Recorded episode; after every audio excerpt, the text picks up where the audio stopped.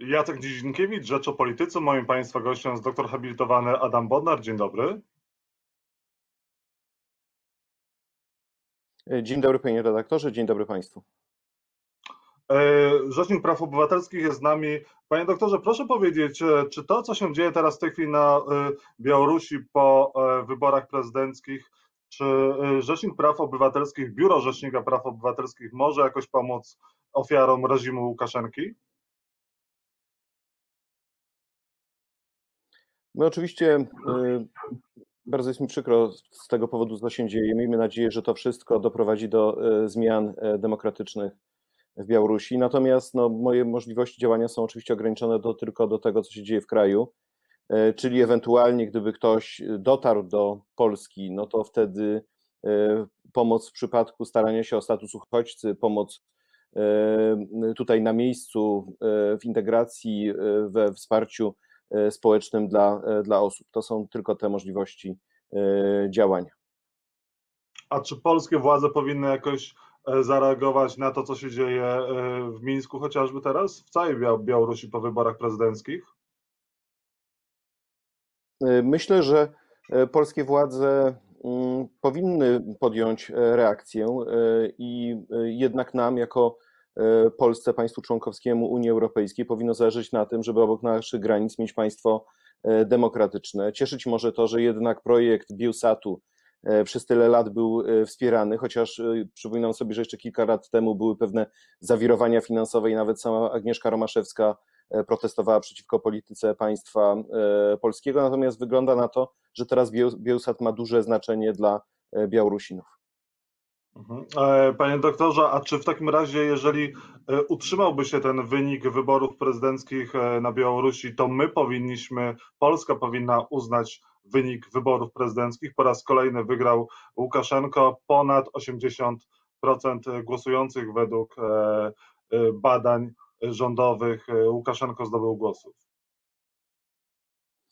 Panie redaktorze, ja jeżeli zajmuję się tematami dotyczącymi spraw zagranicznych, to staram się nimi zajmować w kontekście polskim i wtedy, kiedy to dotyczy naruszeń praw człowieka w Polsce. Natomiast takie rzeczy jak uznawanie wyników wyborów u państw sąsiadujących z Polską to są zagadnienia najwyższej wagi z zakresu stosunków międzynarodowych i uważam, że Rzecznik Praw Obywatelskich nie ma kompetencji, żeby się na ten temat wypowiadać.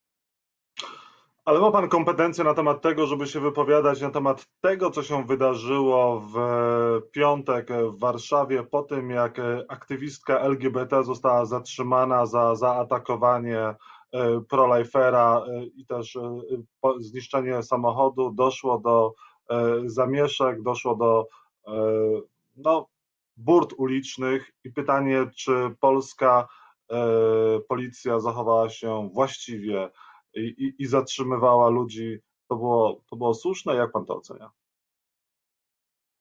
No mam mnóstwo wątpliwości e, i od początku e, starałem się podejmować działania w tej, e, w tej sprawie. Myślę, że ta kulminacja to była oczywiście sobota, kiedy, kiedy była wizytacja przedstawicieli Krajowego Mechanizmu Prewencji Tortur, nieludzkiego i poniżającego traktowania na posterunkach policji. Ale ja bym zwrócił uwagę na jedną najważniejszą, moim zdaniem, rzecz, że jak widzieliśmy te przypadki tego wyłapywania ludzi na ulicach, to mam wrażenie, że mm, nie wiadomo było, dlaczego w ogóle policja to e, czyni. Nie wiadomo było, czy chodzi o popełnienie przestępstwa, czy o wykroczenie, a jeżeli wykroczenie, to dlaczego te osoby są wyłapywane, a nie po prostu spisywane. Co więcej, jak się e, obserwowało wydarzenia w nocy, e, to, to też dopiero w nocy pojawił się ten pomysł, żeby oskarżyć osoby o udział w czynnym zbiegowisku, czyli o artykuł 254 kodeksu e, karnego. I jak e, moi przedstawiciele e, rozmawiali z ludźmi na komendach, to też mieli takie właśnie wrażenie totalnego chaosu, że tak naprawdę nie wiadomo, po co te wszystkie osoby zostały zatrzymane, a z tym się później wiązało naruszanie całego szeregu innych praw, dostępu do adwokata, traktowania na komendzie, czy, czy też brak takiej wizji, co się z tymi osobami będzie dalej działo. A czy zastosowanie aresztu wobec działaczki LGBT Margot było zasadne? Tak długo jak nie poznam postanowienia sądu, a o ile wiem, to postanowienie nie jest jawne i jedyne co wiem, to to, to, to co uzyskałem z rozmów z obrońcami, z profesorem Piotrem Girdwojniem, to trudno mi to komentować. Natomiast jest jeszcze drugi aspekt. Rzecznik Praw Obywatelskich w sprawach dotyczących tymczasowego aresztowania ma trochę związane ręce. To znaczy, e, my nie możemy w tych sprawach uczestniczyć e, formalnie jako RPO.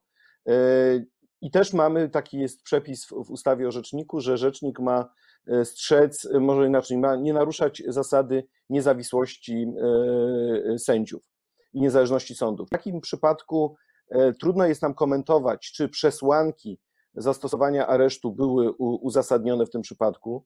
E, biorąc pod uwagę, że wcześniej był zastosowany dozór e, policyjny oraz e, poręczenie majątkowe. Dlatego też nie bez przyczyny w tym moim oświadczeniu, które wydałem w sobotę, ja się nie skupiałem na tym aspekcie sprawy, tylko się skupiłem na tym, co się działo później, na tych właśnie aresztowaniach. Przepraszam, mhm. na tych zatrzymaniach, żeby nie mieszać pojęć na zatrzymaniach 48 osób. Ale mamy coś takiego jak areszt, areszt wydobywczy. Pamiętamy, że za pierwszych rządów Prawa i Sprawiedliwości e, coś takiego funkcjonowało. I na ile to jest e, też e, właściwe, na ile to jest zasadne? Przy czym areszt wydobywczy to mam wrażenie, to jest pojęcie oczywiście bardziej takie socjologiczne niż prawne, które służy czemu innemu, a mianowicie się kogoś zatrzymuje i tymczasowo aresztowuje po, po to, aby ta osoba zaczęła E, składać zeznania na e, różne osoby ze świata e, polityki czy ze świata biznesu. I w polskich realiach w ostatnich latach mieliśmy, moim zdaniem, sprawy, które można byłoby w taki sposób klasyfikować. Myślę, że taka była głośna sprawa biznesmena Przemysława Krycha. On już wyszedł z aresztu, ma duże poręczenie majątkowe, a do dzisiaj tak naprawdę nie, nie sformułowano aktu oskarżenia i tak nie wiadomo, co się ze sprawą E, e, dzieje. E, natomiast tutaj wydaje mi się, że oczywiście to, co mogło mieć wpływ na decyzję o tym, żeby areszt zastosować, no to ta swoista nagonka polityczna, która się rozpoczęła w kontekście umieszczenia flag tęczowych na pomnikach. No nie mam wątpliwości, że te, mm, te czyny mogły spowodować pewną presję w kierunku właśnie zastosowania E, może, może inaczej, nie tyle zastosowania, co powrotu do tej pierwotnej e, sprawy, czyli tej sprawy zniszczenia furgonetki oraz e, tej, tych sytuacji przemocowych z kierowcą furgonetki. Znaczy, chce pan powiedzieć, że zatrzymanie Margot to była sprawa polityczna? To znaczy, nie chcę, chcę wskazać, że to jest jeden z aspektów, który należałoby zbadać i się przyjrzeć temu postanowieniu sądu, na ile E, sprawa dotycząca zatknięcia e, flagi e, miała później związek z tym, że odwieszono, może nie tyle odwieszono, co zastosowano tymczasowy areszt, czyli zmieniono ten wcześniejszy środek zapobiegawczy. Ale no, mhm. czekamy na to, żeby sąd przedstawił to uzasadnienie. A czy obrońca miał problem z, z, kontaktem z zatrzymanym? Czy obrońca miał utrudniony ten kontakt? Jak to wyglądało? To znaczy, tak naprawdę nie wiemy, czy do teraz e, e, obrońca ma ten kontakt, ponieważ e, jeszcze w sobotę, kiedy podjąłem decyzję, żeby moja przedstawicielka, dr Ewa Dawidziuk, spotkała się i dokonała wizytacji w, w areszcie śledczym i spotkała się z Margot, to wtedy to było, wiedzieliśmy o tym, że to jest Białołęka. Natomiast później się okazało, że osoba, że Margot jest przewożona do zakładu karnego w Płocku. E, dopiero w niedzielę udało się e, ten kontakt nawiązać i e, znaczy udało się dokonać tej wizytacji. Natomiast z informacji, które nam zostały przekazane, to jest, wynika, że obrońcy tego kontaktu nie mają, ponieważ decyzja w tym zakresie należy do organu dysponującego prokuratury i dlatego też apeluję, żeby prokuratura wyraziła zgodę na kontakt adwokatów z Margot. To nie jest żadna Margot, tylko mężczyzna. Jako minister sprawiedliwości nie będę wchodzić w tego typu rodzaje historie, które mają kreować nową rzeczywistość. To bełkot lewicowo-liberalny. Tak Zbigniew Ziobro powiedział dzisiaj e, właśnie na, e, o nazywaniu Margot i określaniu Margot kobietą. Jak to powinno wyglądać i na ile to jest, na ile osob, podobnie mówią inni przedstawiciele Solidarnej Polski czy też Prawa i Sprawiedliwości, że nie powinno się określać Margot kobietą, bez mężczyzną.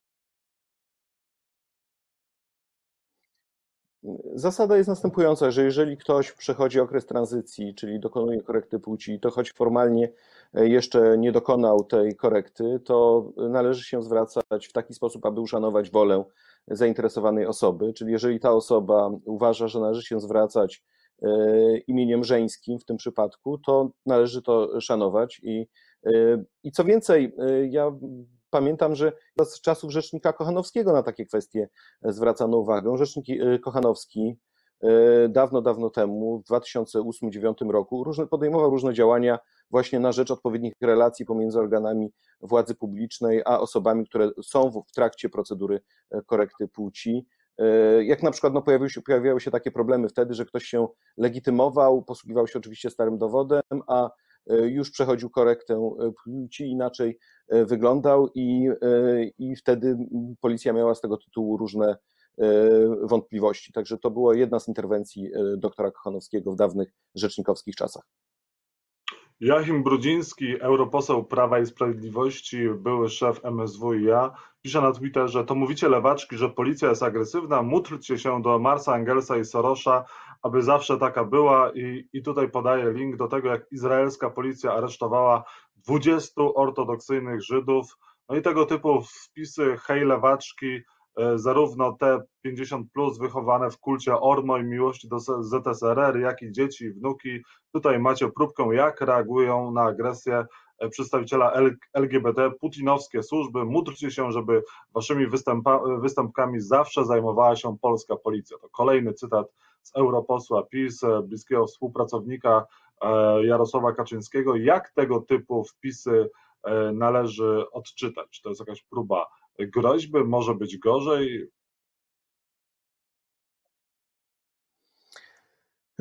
Powiem szczerze, nie wiem, znaczy pa, pa, pan minister Brudziński raz na jakiś czas ma takie wpisy, które szczególnie dotyczące osób LGBT, które aż nie wiadomo jak e, skomentować. E, przypomnijmy, że w kampanii prezydenckiej miał taki słynny wpis: Polska bez, bez LGBT jest e, najpiękniejsza. Teraz z kolei, jak rozumiem, akceptuje działania policji, co więcej mówi, że to, tak jakby wskazywał, że przecież mogło być gorzej, to o co wam e, chodzi. Nie, no tutaj te, te zatrzymania e, nie przebiegały w sposób taki, jak powinny. I tutaj widzieliśmy dużo niepotrzebnej agresji jest ten, ten słynny film, e, który był nadawany w TVN24, gdzie ludzie sobie spokojnie spacerują, a policjanci za nimi biegną, ich powalają na ziemię i zakuwają w kajdanki i wsadzają do e, nys, nysek policyjnych. No, to, to, to kłóci się ze standardami praw człowieka. Oczywiście ja to będę podejmował, ale chciałbym podkreślić, te standardy obowiązują niezależnie od tego, kto demonstruje. Przecież jak był strajk przedsiębiorców w Warszawie, to także podejmowałem działania, także wyjaśniałem, także protestowałem e, przeciwko temu, że te osoby są wywożone. E, był ten spór o to, czy policja używa pałek policyjnych, czy też nie. Później się okazało, że jednak policja tych pałek e, używała. Nie ma, to w każdym przypadku policja ma używać siły czy przymusu bezpośredniego w sposób proporcjonalny. W tym przypadku mam wrażenie, że były sytuacje, kiedy e, ta siła była używana nieproporcjonalnie. Teraz to będę oczywiście w ciągu najbliższych dni e, wyjaśniał i podejmował odpowiednie działania jako RPO. No może popełnia Pan błąd, e, stając w obronie lub też chcąc wyjaśniać tę te, te, tę kwestię aresztowań, no bo przecież widzieliśmy również na filmach, jak Margot atakuje kierowcę samochodu, które miało tam hasła E, uderzająca w homoseksualistów. Widzieliśmy, jak zostały pocięte, czy też wiadomo, że zostały pocięte i przedziurawione e, koła tego samochodu. E, widzieliśmy inne też sytuacje, tak jak na przykład policja prosiła zgromadzonych, żeby no, odeszli, że, że, że kazała im odejść z miejsca protestów, a jednak te osoby się nie zastosowały. Widzieliśmy też, jak ludzie skakali po samochodach i tak dalej. No, Pytanie, czy druga strona nie jest bez winy i można mówić tylko o kwestii policji.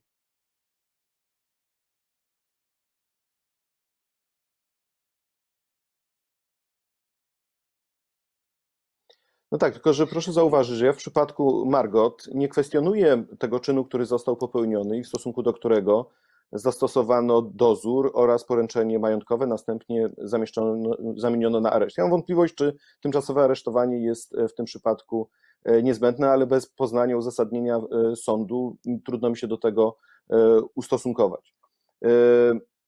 Ale co, co do samego czynu, nikt tu żadnym, słowa, żadnym słowem tego nie usprawiedliwiam. Ja jestem zwolennikiem, że jeżeli nawet te furgonetki jeżdżą, to po pierwsze pamiętajmy, że o ile wiem, są dwie furgonetki, dwa typy furgonetek. W przypadku jednej z nich udało się uzyskać zabezpieczenie przez Stowarzyszenie Tolerado, które e, doprowadziło do tego, że ta furgonetka nie może jeździć. W przypadku tej drugiej, jak rozumiem, są stosowane różne metody protestu, ale ja jestem zawsze i będę zwolennikiem metod e, pokojowych. E, będę się zastanawiał, czy słuszne jest to, że mm, następuje tak wielka ochrona ze strony policji. Kiedyś pamiętam, ktoś w bardzo ciekawy sposób pokojowo zaprotestował, a mianowicie w nocy e, obwinął całą furgonetkę taką czarną taśmą, taką czarną, e, taką taśmą kryjącą, co nie spowodowało zniszczenia mienia, a po prostu utrudniło e, funkcjonowanie, bo ktoś musiał się pewnie nabiedzić, żeby taką taśmę odplątać. Ale jestem co do zasady zwolennikiem metod pokojowych. Natomiast w przypadku już samych zajść, no to oczywiście tam prawdopodobnie były sytuacje, e, gdzie e, dochodziło do e, utrudniania czynności policji i też nie, nie będę usprawiedliwiał wchodzenia na dach samochodu policyjnego. No, jesteś, bądźmy tutaj rozsądni. Natomiast zostało zatrzymanych 48 osób, z czego duża część prawdopodobnie przypadkowo, bądź też na zasadzie takiej, żeby e, właśnie e, uniemożliwić dalsze e, protestowanie, czyli na zasadzie być może takiego wyłapywania prewencyjnego. No, został zatrzymany cudzoziemiec, osoby z zakupami.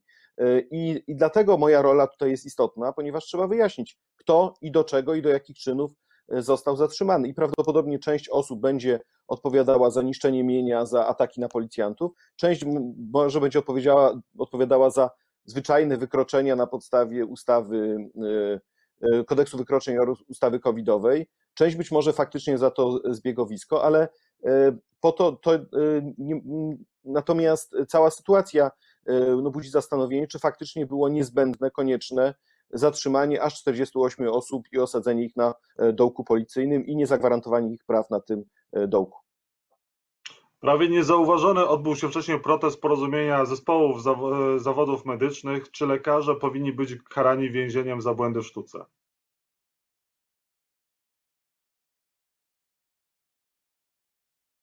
Znaczy pytanie przez kogo niezauważony, bo akurat y, dosłownie w tygodniu poprzedzającym miałem tak, po pierwsze spotkanie y, z rzecznikiem dyscyplinarnym Naczelnej Rady Lekarskiej Grzegorzem Wroną, gdzie rozmawialiśmy na temat właśnie tego artykułu 37a kodeksu karnego.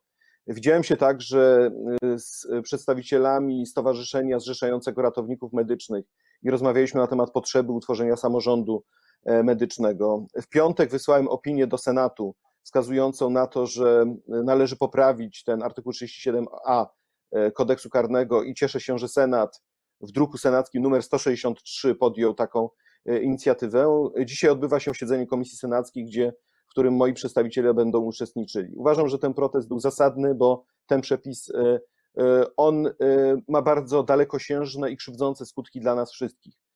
Leczenie odbywa się czasami na zasadzie podejmowania ryzyka i lekarz nie może się zastanawiać, podejmując ryzyko, nad tym, czy później nie będzie odpowiadał karnie za nieumyślne spowodowanie śmierci bądź nieumyślny e, błąd e, e, medyczny. A tym się to skończy. Jeżeli ten przepis będzie obowiązywał, to lekarze po prostu będą wstrzemięźliwi w podejmowaniu działań ratujących życie. Śmiem powiedzieć, że na podstawie tego przepisu Zbigniew Religa nigdy nie przeprowadziłby transplantacji serca, bo po prostu by wiedział, że będzie miał prokuratora za chwilę na karku. Tak? E, na tym polega medycyna, że czasami trzeba podejmować działania ratujące życie bądź działania, e, przepraszam, działania ryzykowne, nietypowe, e, niestandardowe, jeżeli tylko chce się pomóc i lekarz nie może czuć oddechu aparatu prawnokarnego w takiej sytuacji.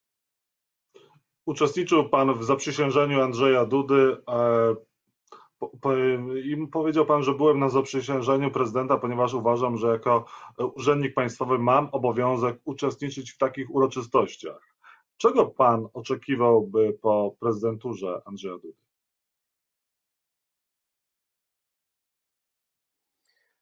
E, faktycznie uczestniczyłem e, z tych powodów, o których pan redaktor powiedział. E, natomiast oczekiwałbym przestrzegania konstytucji. Oczekiwałbym wierności jej postanowieniom.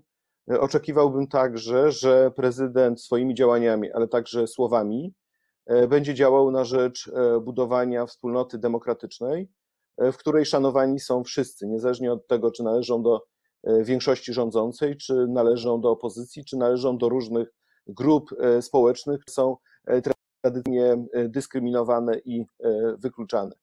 Prezydent ma spajać całą Rzeczypospolitą i prezydent w tym zakresie ma bardzo ważną rolę do odegrania. Mhm. I na koniec, we wrześniu kończy się pańska kadencja, 337, tyle organizacji społecznych wsparło do tej pory mecenas Zuzannę Rudzińską-Bluszcz, jednak, która, która ubiega się o bycie pańskim następcą, następczynią, e, no ale trudno będzie jej zdobyć poparcie większości parlamentarnej. E, dlaczego Prawo i Sprawiedliwość, Zjednoczona Prawica powinno poprzeć panią, panią Rudzińską-Bluszcz na nowego Rzecznika Praw Obywatelskich? Panie redaktorze, ja chciałbym podkreślić, że Rzecznik Praw Obywatelskich nie powinien moim zdaniem się wypowiadać na temat poparcia przez taką czy inną partię e, kandydatów na rzecznika praw. Zostawmy to parlamentarzystom, e, niech oni o tym decydują. Ja jedynie mogę powiedzieć tyle, że do pani e, Rudzińskiej-Bluszcz mam zaufanie. Współpracowałem z nią przez pięć lat, jeszcze wcześniej, jako, jak była jeszcze prawniczką pro bono dla Fundacji Helsińskiej. I sprawy, którymi się zajmowały, zawsze dotyczyły zagadnień naprawdę węzłowych z punktu widzenia funkcjonowania e, państwa oraz e, praw człowieka. I też była to działalność nie tylko na poziomie spraw, ale też taka, powiedziałbym, i analityczna, i organizacyjna. Wydaje mi się, że taki najciekawszy projekt, który razem prowadziliśmy, to był projekt stworzenia mechanizmu demokratycznego nadzoru nad służbami specjalnymi osiodłać Pegaza, Tutaj mam nadzieję, że y, siły polityczne w którymś momencie się nad tym jednak zastanowią i te rekomendacje, które wraz z grupą ekspertów przygotowaliśmy, y, wdrożą do polskiego prawa. Doktor habilitowany Adam Bodnar, Rzecznik Praw Obywatelskich, był Państwa i moim gościem. Bardzo dziękuję za rozmowę. Dziękuję bardzo za rozmowę. Dziękuję Panie redaktorze. Dziękuję Państwu.